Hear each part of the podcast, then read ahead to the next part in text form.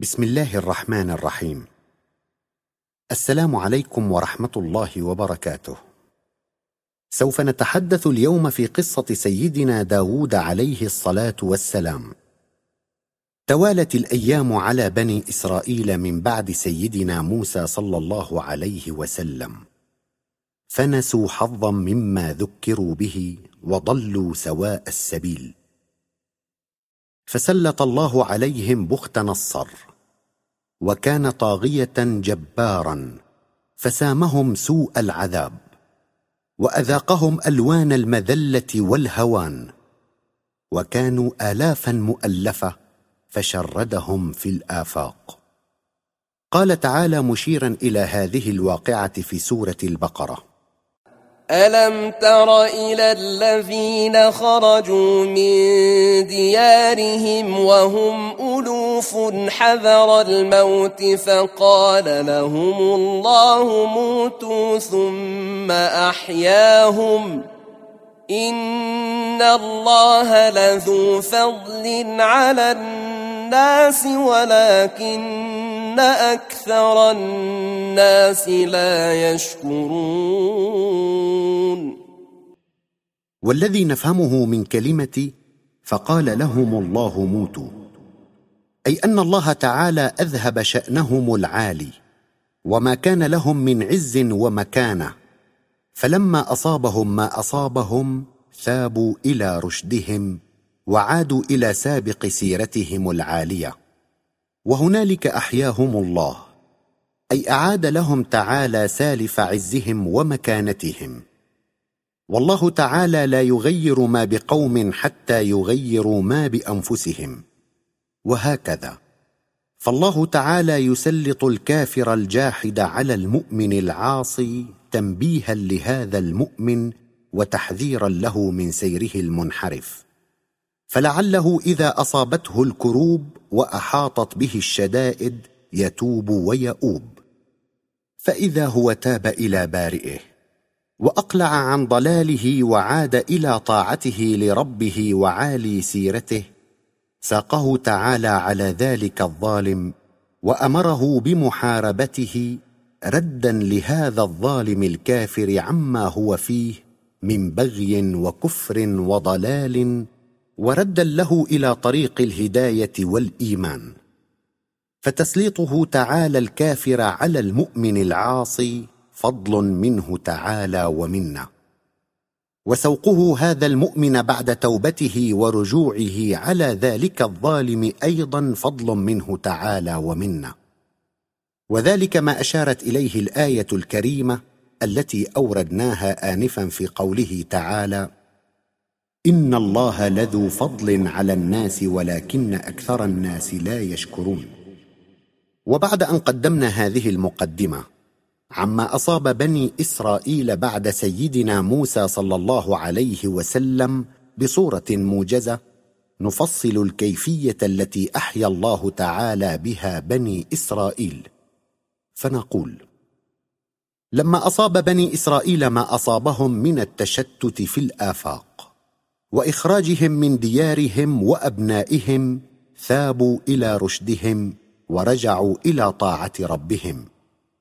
فجاءوا لنبي لهم وطلبوا منه أن يبعث لهم ملكا يقاتلون معه في سبيل الله. وذلك ما أشارت إليه الآية الكريمة في قوله تعالى من سورة البقرة. أعوذ بالله من الشيطان الرجيم.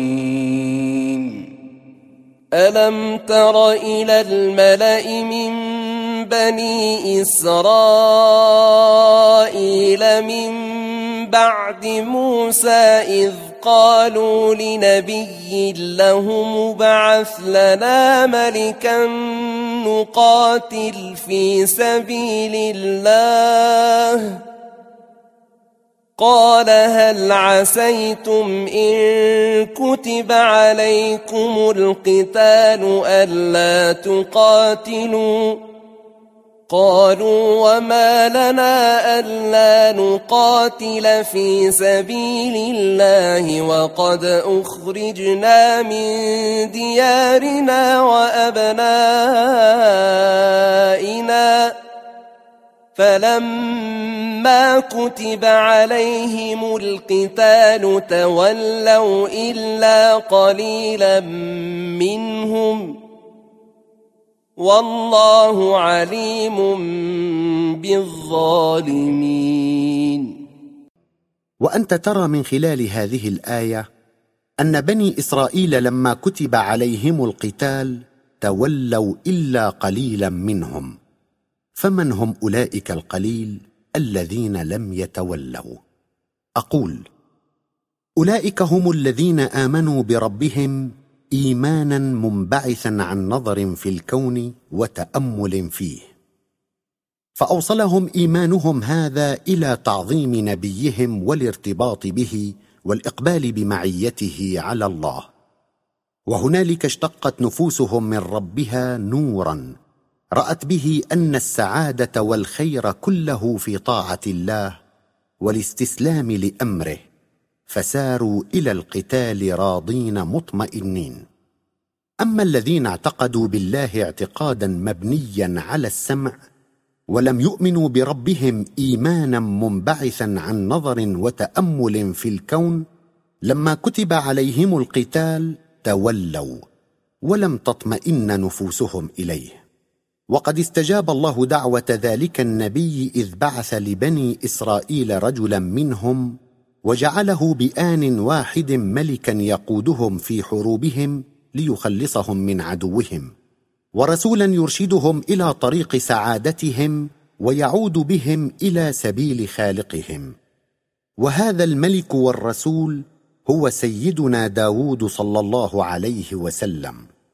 قال تعالى مشيرا إلى ذلك بقوله الكريم وقال لهم نبيهم إن الله قد بعث لكم طالوت ملكا.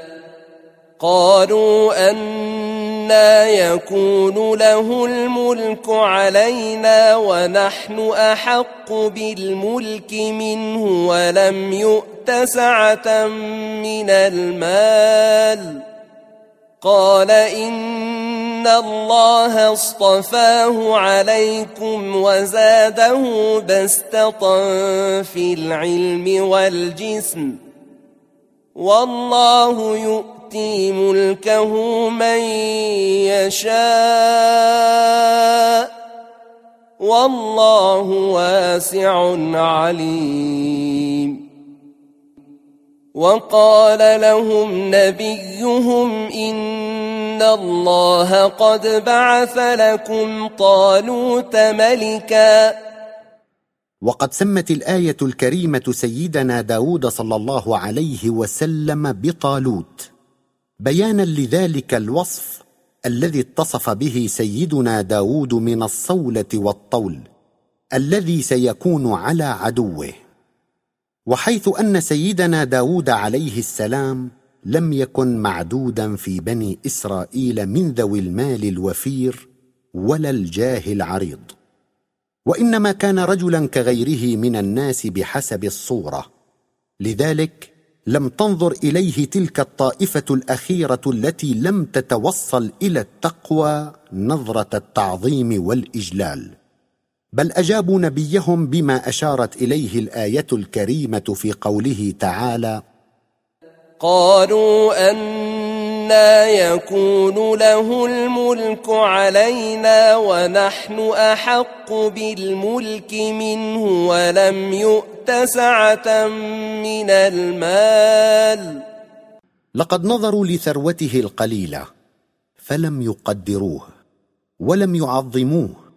ولو أنهم فكروا من قبل وآمنوا بربهم وأقبلوا بنفوسهم على خالقهم لراوا كمال رسولهم فقدروه وعظموه. وهكذا لا يعرف الفضل إلا ذووه. فمن استغرقت نفسه بمحبة الدنيا وأعرض عن خالقه تجده يجهل أهل الكمال ولا يعظم إلا أهل الدنيا ولا يفتتن إلا بهم. ومن أقبل على خالقه واصطبغت نفسه بصبغة الكمال تجده لا يقدر إلا أهل الكمال ولا يعجب ويفتتن إلا بهم. ثم إن نبيهم خاطبهم بما أشارت إليه الآية الكريمة في قوله تعالى قال إن الله اصطفاه عليكم وزاده بسطه في العلم والجسم والله يؤتي ملكه من يشاء والله واسع عليم. وانت ترى بحسب ما ورد في هذه الايه الكريمه أن العطاء الإلهي ليس مقصورا على طبقة معينة من الناس ولا يشترط في الوصول إليه أن يكون الإنسان غنيا أو ذا جاه وسلطان وإنما ينال عطاء الله تعالى كل من شاء من الخلق.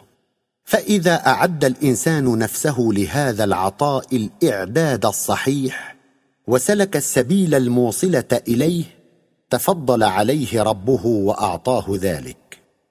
لأن الخلق جميعا خلقه تعالى لا فرق ولا ميزة بين إنسان وإنسان ولا فضل لعربي على أعجمي ولا أبيض على أسود إلا بالتقوى. وعطاؤه تعالى واسع يسع الخلق جميعا وهو تعالى حكيم. يعطي كلا بحسب ما يراه فيه من صدق وإخلاص. ثم إن سيدنا داود صلى الله عليه وسلم لما سار بالجنود للقاء العدو أخبر من معه أن الله تعالى مبتليهم بنهر وطلب منهم ألا يشربوا منه. أما من اضطره العطش واشتد عليه فعليه ألا يشرب منه إلا غرفة بيده.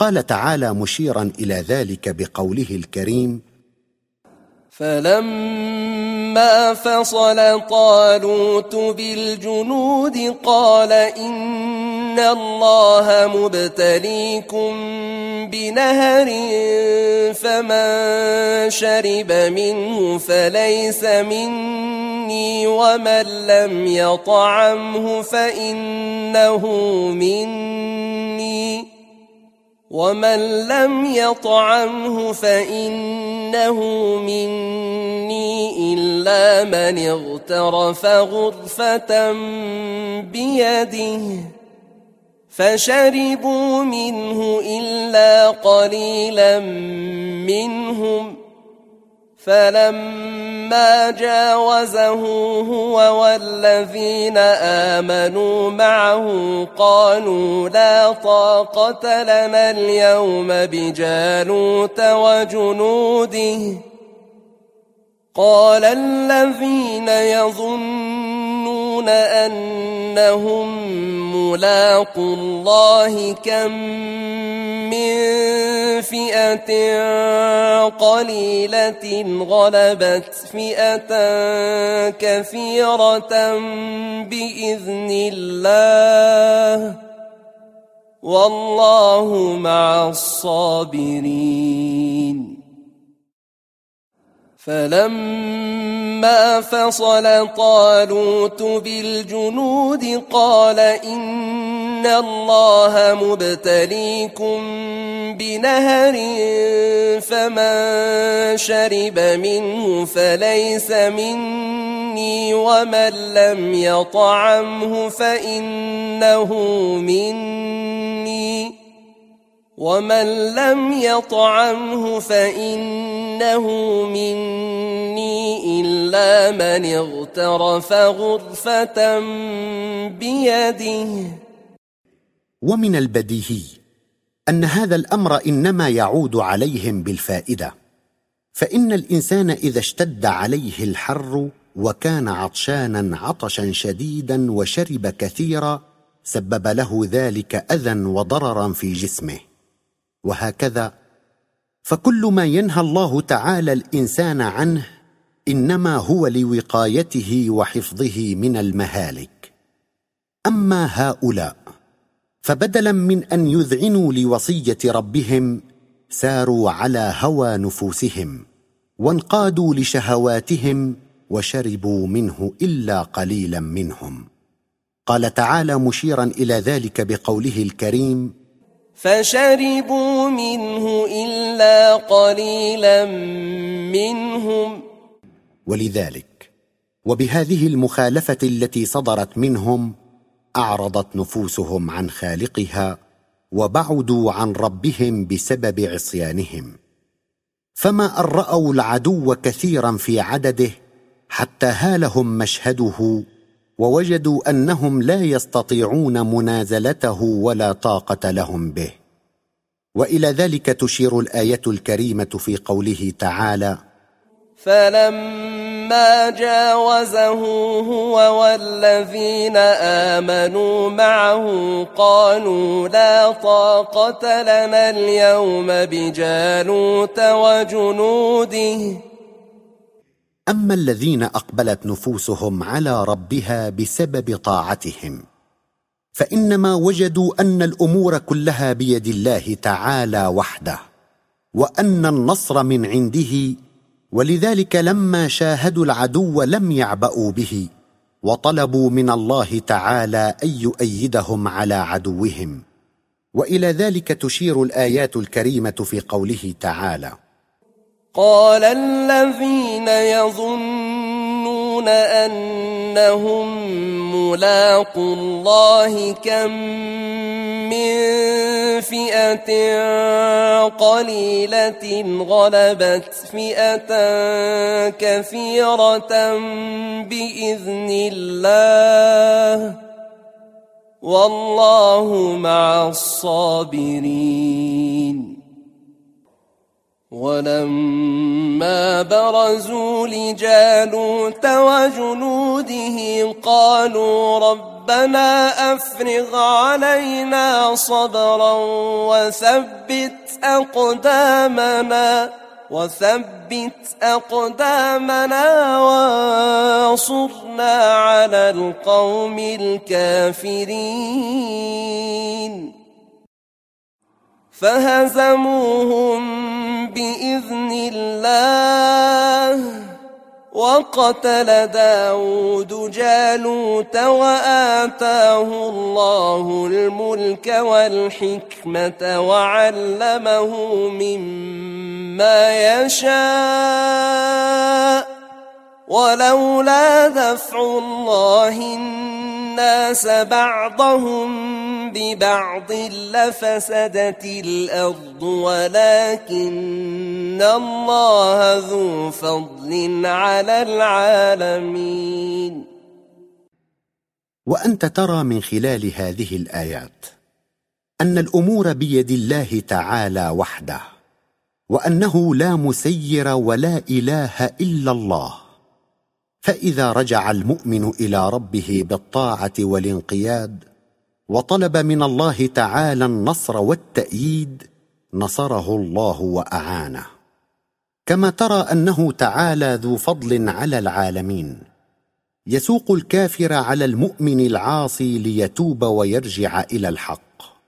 فإن هو تاب ورجع ساقه على الكافر وأيده عليه ونصره وجعل الكافر تحت رعاية المؤمن ليهديه ويدله. فهو تعالى يدفع الناس بعضهم ببعض رحمة بهم وحفظا لهذا الكون من الفساد وهو يحمد على كل ما يسوقه لعباده وهو تعالى ذو فضل على العالمين. وقد استتب الأمر لبني إسرائيل. وتسنم سيدنا داود صلى الله عليه وسلم منصب الملك وخضع له بنو إسرائيل جميعا كبيرهم وصغيرهم. وكيف لا يخضعون له وقد خلصهم من عدوهم وأعاد لهم سابق عزهم وسالف مجدهم. ورأوا من تأييد الله له ما رأوا حين انقض صلى الله عليه وسلم بذاته يشق صفوف العدو بسيفه والرعب من هيبته يمزق جمعهم كل ممزق. حتى دنا من ملك الجيوش العدوه فتفرق شمل من يحمونه من مرافقيه مولين الدبر. ثم ضرب ملكهم الجبار. فقصمه وقضى عليه. وأراح الناس من عظيم بلائه وبغيه وشروره. وسمعوا منه من البيان والحكمة بالزبور ما سمعوا. قال تعالى مشيرا إلى ذلك بقوله الكريم في سورة سبأ. ولقد آتينا داود منا فضلا يا جبال أوبي معه والطير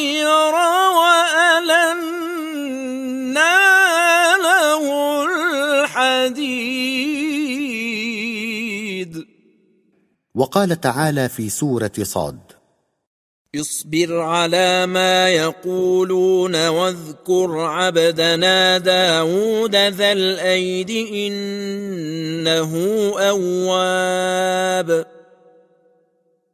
إنا سخرنا الجبال معه يسبحن بالعشي والإشراق. والطير محشورة كل له أواب وشددنا ملكه وآتيناه الحكمة وفصل الخطاب. والمراد بكلمة الجبال كبار القوم ورؤساؤهم فإن الجبل من كل شيء ما عظم منه. قال تعالى وينزل من السماء من جبال فيها من برد فيصيب فيصيب به من يشاء ويصرفه عن يشاء. أي من سحب عظيمة ويقال فلان جبل علم أو ذو علم عظيم. وأما الطير فإنما المراد به صغار الناس وعامتهم. وهكذا فقد خضع لسيدنا داود عليه السلام جميع بني إسرائيل وانقادوا له. ثم إن الله تعالى أراد أن يعرفنا في قصة هذا الرسول الكريم بأن النفس البشرية إذا شاهدت الكمال الإلهي أحبته وعشقته وأضحت هذه المشاهدة أحب إليها من كل شيء غير أن الانتقال في هذه الوجهة من حال إلى حال أعلى وأرفع والارتقاء في تلك المشاهدة إنما يكون بحسب ما يقدمه الإنسان من الأعمال التي يبذلها في خدمة الخلق.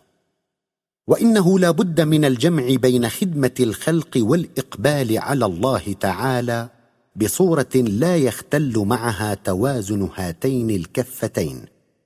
فلا تتغلب خدمة الخلق على دوام الوجهة إلى الله كما لا تحول الوجهة إلى الله بين الإنسان وبين القيام بمصالح الخلق. وحيث أن سيدنا داود صلى الله عليه وسلم غلب عليه العشق لربه وجلس مع نفسه يعتكف في المحراب منصرفا إلى شهود ذلك الكمال الإلهي. أراد تعالى أن يرد هذا الرسول إلى كمال الكمال فساق له ملكين على صورة رجلين. احتكما لديه في قضية. وقد أشارت الآية الكريمة إلى ذلك في قوله تعالى وهل أتاك نبأ الخصم إذ تسوروا المحراب؟ إذ دخلوا على داود ففزع منهم قالوا لا تخف. خصمان بغى بعضنا على بعض فاحكم بيننا فاحكم بيننا بالحق ولا تشطط واهدنا إلى سواء الصراط. والمراد بكلمة تسوروا أي دخلوا عليه من فوق الجدار. والمحراب هو المكان الذي جلس فيه سيدنا داود صلى الله عليه وسلم مع نفسه متجها إلى ربه ليستطيع بما يكتسبه من المعرفة بإقباله على ربه أن يحارب الشيطان فيرد وساوسه التي يلقيها في صدور الناس. ثم إن أحد الخصمين شرح القضية بين يدي سيدنا داود. فذكر له أن أخاه يملك تسعا وتسعين نعجة أي غنمه أما هو فلا يملك سوى نعجة واحدة. وقد طلب منه أخوه أن يسمح له بضم هذه النعجة إلى قطيعه وأن يجعلها في كفالته. فلما امتنع ولم يوافق أخاه على رأيه شدد عليه أخوه في القول ووجه إليه اللوم على هذا الامتناع. وقال تعالى مشيرا إلى ذلك بقوله الكريم إن هذا أخي له تسع وتسعون نعجة ولي نعجة واحدة فقال فقال أكفلنيها وعزني في الخطاب.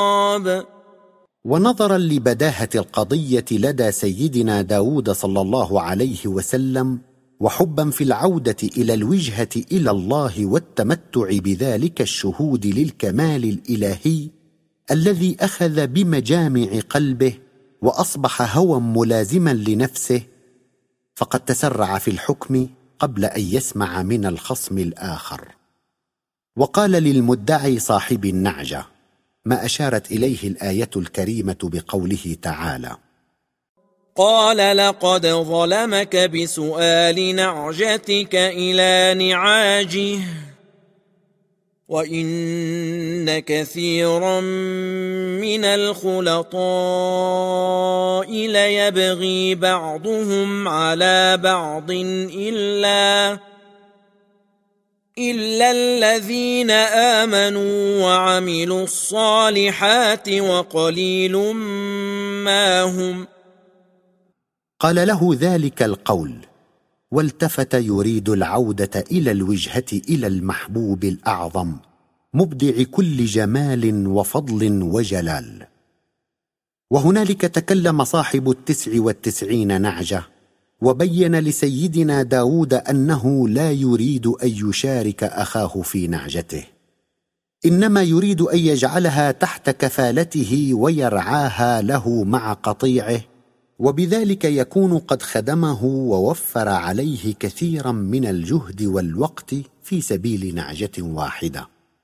ولما سمع سيدنا داود صلى الله عليه وسلم مقالة الخصم الثاني ووجده محقا في طلبه أدرك أنه تسرع في حكمه الذي أدلى به للخصم الأول.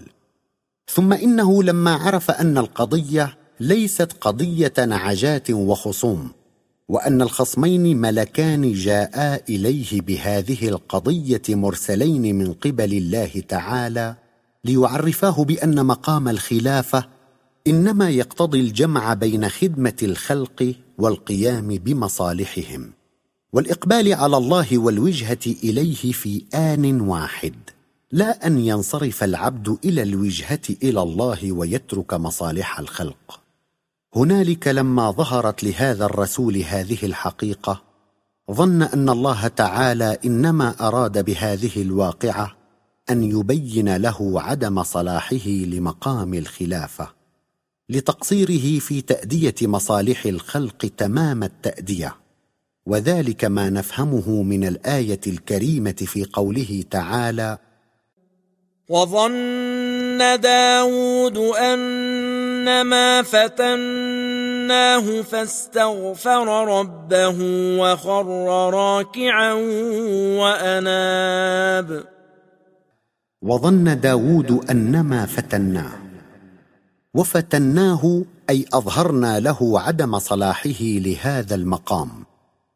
إذ أن الفتنة إنما هي إظهار الطوية ولذلك فاستغفر ربه أي طلب منه الشفاء من هذه السهوة وخر راكعا أي خاضع بنفسه لأمر ربه وأناب أي رجع إلى الطريق التي يقتضيها مقام الخلافة. فجلس في قضاء المصالح لا تصرفه وجهته عن خدمة الخلق ولا تصرفه خدمة الخلق عن الوجهة إلى الحق.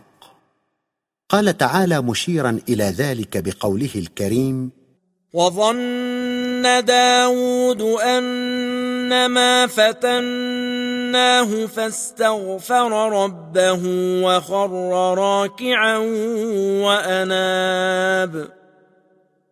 فغفرنا له ذلك وإن له عندنا لزلفى وحسن مآب. ثم إن الله تعالى خاطبه بقوله الكريم. يا داود إنا جعلناك خليفة في الأرض فاحكم بين الناس بالحق ولا تتبع الهوى ولا تتبع الهوى فيضلك عن سبيل الله. أي لا يكونن هواك في دوام مشاهدتي مانعا لك من قضاء مصالح خلقي. فإن في ذلك حرمانا لهم من حقوقهم وحرمانا لك من الخير. لأنك إذا وجدت نفسك مقصرا في واجبك انقبضت نفسك عني حياء من تقصيرها وتحولت عن الوجهة إلي خجلا من عدم قيامها بواجبها. ثم إن الله تعالى تمم نصيحته لسيدنا داود صلى الله عليه وسلم بقوله الكريم. إن الذين يضلون عن سبيل الله لهم عذاب شديد بما نسوا يوم الحساب. أي وهذا التحول عن الوجهة إلى الله.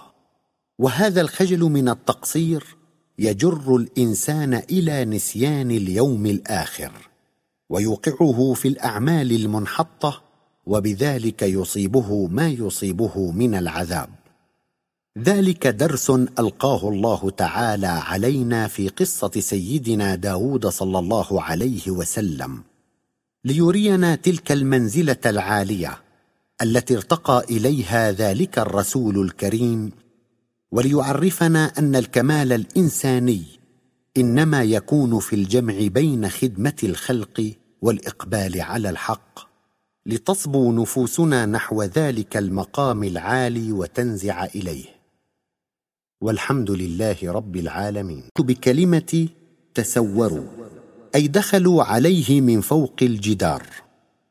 والمحراب هو المكان الذي جلس فيه سيدنا داود صلى الله عليه وسلم مع نفسه متجها إلى ربه ليستطيع بما يكتسبه من المعرفة بإقباله على ربه أن يحارب الشيطان فيرد وساوسه التي يلقيها في صدور الناس.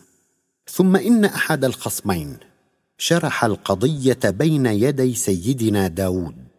فذكر له أن أخاه يملك تسعا وتسعين نعجة أي غنمه أما هو فلا يملك سوى نعجة واحدة. وقد طلب منه أخوه أن يسمح له بضم هذه النعجة إلى قطيعه وأن يجعلها في كفالته. فلما امتنع ولم يوافق أخاه على رأيه شدد عليه أخوه في القول ووجه إليه اللوم على هذا الامتناع. وقال تعالى مشيرا إلى ذلك بقوله الكريم إن هذا أخي له تسع وتسعون نعجة ولي نعجة واحدة فقال فقال أكفلنيها وعزني في الخطاب. ونظرا لبداهة القضية لدى سيدنا داود صلى الله عليه وسلم وحبا في العودة إلى الوجهة إلى الله والتمتع بذلك الشهود للكمال الإلهي الذي أخذ بمجامع قلبه وأصبح هوى ملازما لنفسه فقد تسرع في الحكم قبل أن يسمع من الخصم الآخر. وقال للمدعي صاحب النعجة ما أشارت إليه الآية الكريمة بقوله تعالى.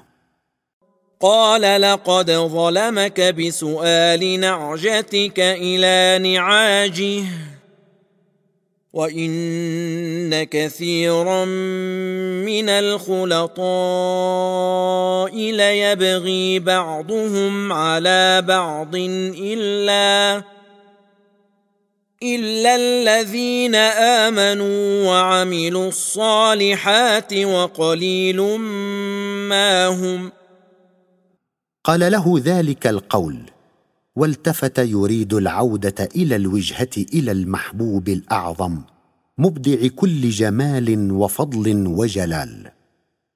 وهنالك تكلم صاحب التسع والتسعين نعجه وبين لسيدنا داود أنه لا يريد أن يشارك أخاه في نعجته. إنما يريد أن يجعلها تحت كفالته ويرعاها له مع قطيعه وبذلك يكون قد خدمه ووفر عليه كثيرا من الجهد والوقت في سبيل نعجة واحدة. ولما سمع سيدنا داود صلى الله عليه وسلم مقالة الخصم الثاني ووجده محقا في طلبه أدرك أنه تسرع في حكمه الذي أدلى به للخصم الأول. ثم إنه لما عرف أن القضية ليست قضية نعجات وخصوم وأن الخصمين ملكان جاءا إليه بهذه القضية مرسلين من قبل الله تعالى ليعرفاه بأن مقام الخلافة إنما يقتضي الجمع بين خدمة الخلق والقيام بمصالحهم والإقبال على الله والوجهة إليه في آن واحد. لا أن ينصرف العبد إلى الوجهة إلى الله ويترك مصالح الخلق. هنالك لما ظهرت لهذا الرسول هذه الحقيقة ظن أن الله تعالى إنما أراد بهذه الواقعة أن يبين له عدم صلاحه لمقام الخلافة. لتقصيره في تأدية مصالح الخلق تمام التأدية. وذلك ما نفهمه من الآية الكريمة في قوله تعالى وظن داود أنما فتناه فاستغفر ربه وخر راكعا وأناب. وظن داود أنما فتناه. وفتناه أي أظهرنا له عدم صلاحه لهذا المقام. إذ أن الفتنة إنما هي إظهار الطوية ولذلك فاستغفر ربه أي طلب منه الشفاء من هذه السهوة وخر راكعا أي خاضع بنفسه لأمر ربه وأناب أي رجع إلى الطريق التي يقتضيها مقام الخلافة. فجلس في قضاء المصالح لا تصرفه وجهته عن خدمة الخلق ولا تصرفه خدمة الخلق عن الوجهة إلى الحق. قال تعالى مشيرا إلى ذلك بقوله الكريم وظن داود أنما فتناه فاستغفر ربه وخر راكعا وأناب. فغفرنا له ذلك وإن له عندنا لزلفى وحسن مآب. ثم إن الله تعالى خاطبه بقوله الكريم. يا داود انا جعلناك خليفه في الأرض فاحكم بين الناس بالحق ولا تتبع الهوى ولا تتبع الهوى فيضلك عن سبيل الله. أي لا يكونن هواك في دوام مشاهدتي مانعا لك من قضاء مصالح خلقي. فإن في ذلك حرمانا لهم من حقوقهم وحرمانا لك من الخير. لأنك إذا وجدت نفسك مقصرا في واجبك انقبضت نفسك عني حياء من تقصيرها وتحولت عن الوجهة إلي خجلا من عدم قيامها بواجبها. ثم إن الله تعالى تمم نصيحته لسيدنا داود صلى الله عليه وسلم بقوله الكريم. إن الذين يضلون عن سبيل الله لهم عذاب شديد بما نسوا يوم الحساب. أي وهذا التحول عن الوجهة إلى الله. وهذا الخجل من التقصير يجر الإنسان إلى نسيان اليوم الآخر ويوقعه في الأعمال المنحطة وبذلك يصيبه ما يصيبه من العذاب. ذلك درس ألقاه الله تعالى علينا في قصة سيدنا داود صلى الله عليه وسلم ليرينا تلك المنزلة العالية التي ارتقى إليها ذلك الرسول الكريم وليعرفنا أن الكمال الإنساني إنما يكون في الجمع بين خدمة الخلق والإقبال على الحق لتصبو نفوسنا نحو ذلك المقام العالي وتنزع إليه. والحمد لله رب العالمين.